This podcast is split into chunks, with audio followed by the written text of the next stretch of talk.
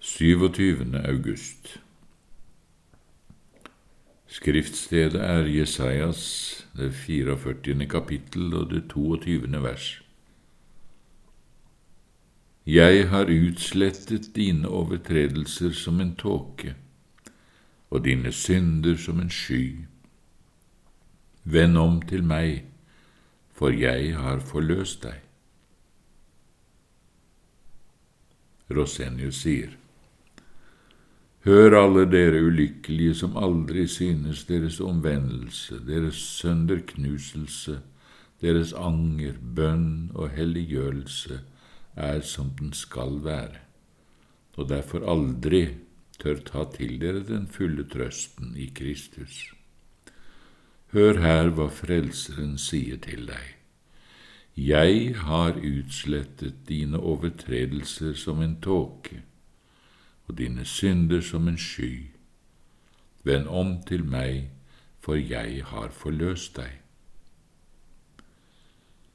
Det er sant alt det Guds ord taler om, hvor nødvendig det er med omvendelse, med anger og bønn med mer.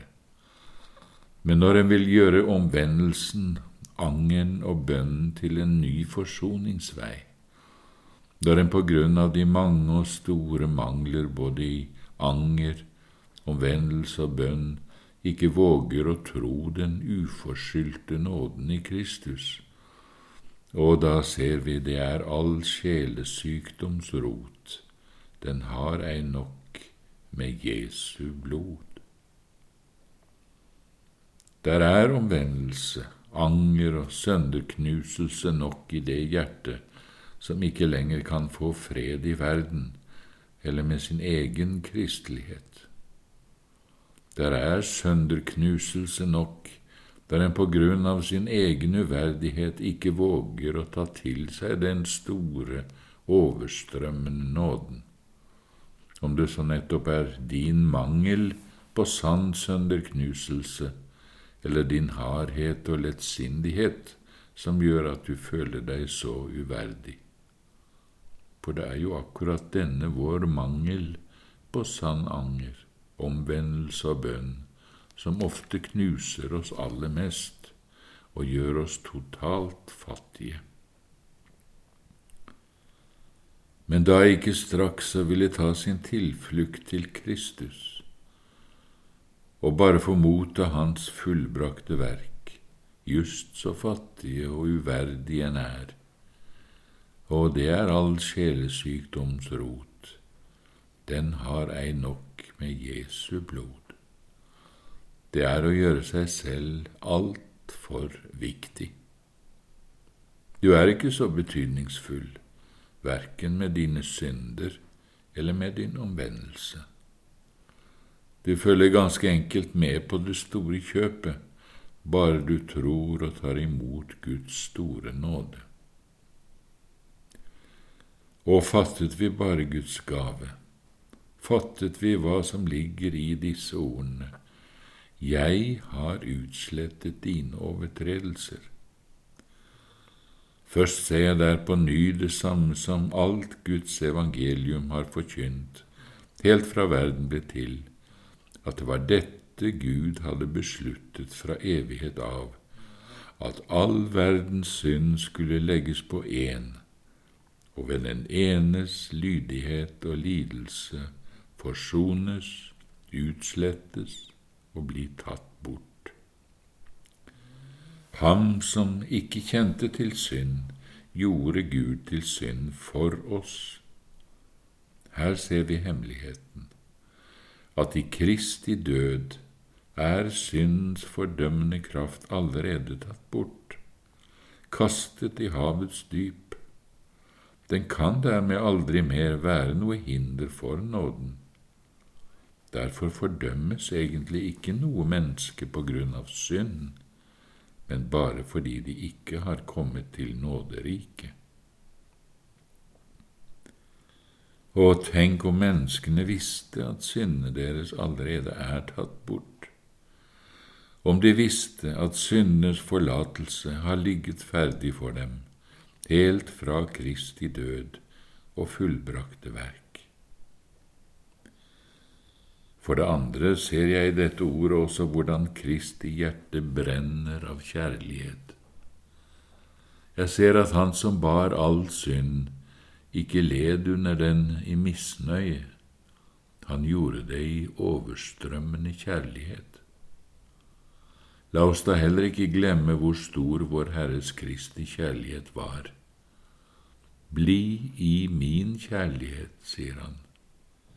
Ingen har større kjærlighet enn dette, at han gir sitt liv for vennene sine. Men Paulus minner om at Kristus ga sitt liv for sine uvenner.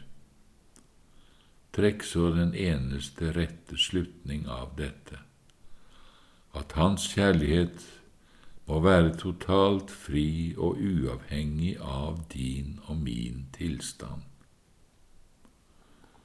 Derfor, når du på ny inntas av slike tanker, hvis jeg bare var litt bedre på det eller det området, jeg er ikke som jeg bør være, ikke nok sønderknust og alvorlig.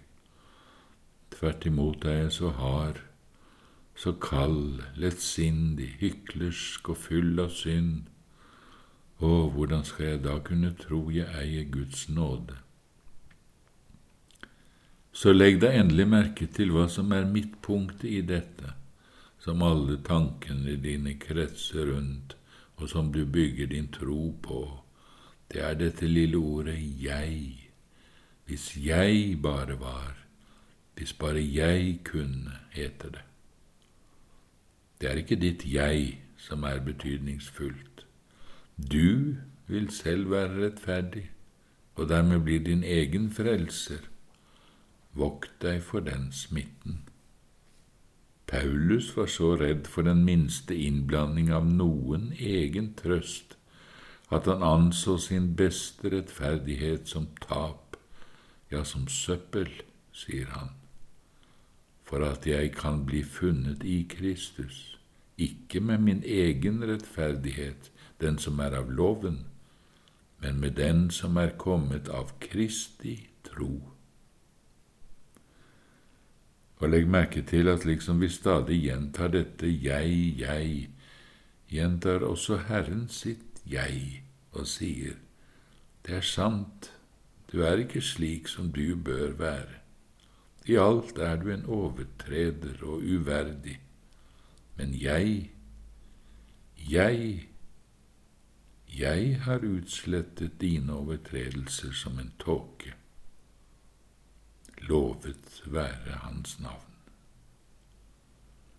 Når du da sier Jeg angrer ikke min synd som jeg burde, så sier han Nei, du har aldri angret som du burde, men jeg angret for deg i Getseman. Og jeg, jeg er den som har utslettet. Du sier, Jeg ber ikke slik som jeg burde. Så sier han, Nei, du har ikke bedt som du burde, men jeg, jeg har gjennom sterke skrik og tårer båret fram bønner og påkallelse til Gud, og jeg er den som har utslettet. Du sier, det er liksom ikke ordentlig maktpåliggende for meg, dette. Da sier han, Nei, det er heller ikke du som har kalt meg, men din frelse har vært maktpåliggende for meg. Jeg har arbeidet, jeg, jeg har utslettet dine overtredelser som en tåke og dine synder som en sky. Skulle vi ikke sette Hans nåderike gavebrev så høyt at vi bare ydmykt falt ned for ham, takket og bekjente. Ikke oss, Herre, ikke oss, men ditt navn gi du ære. Bare du er rettferdig, og du gjør den rettferdig som tror på deg. Herre, øk vår tro.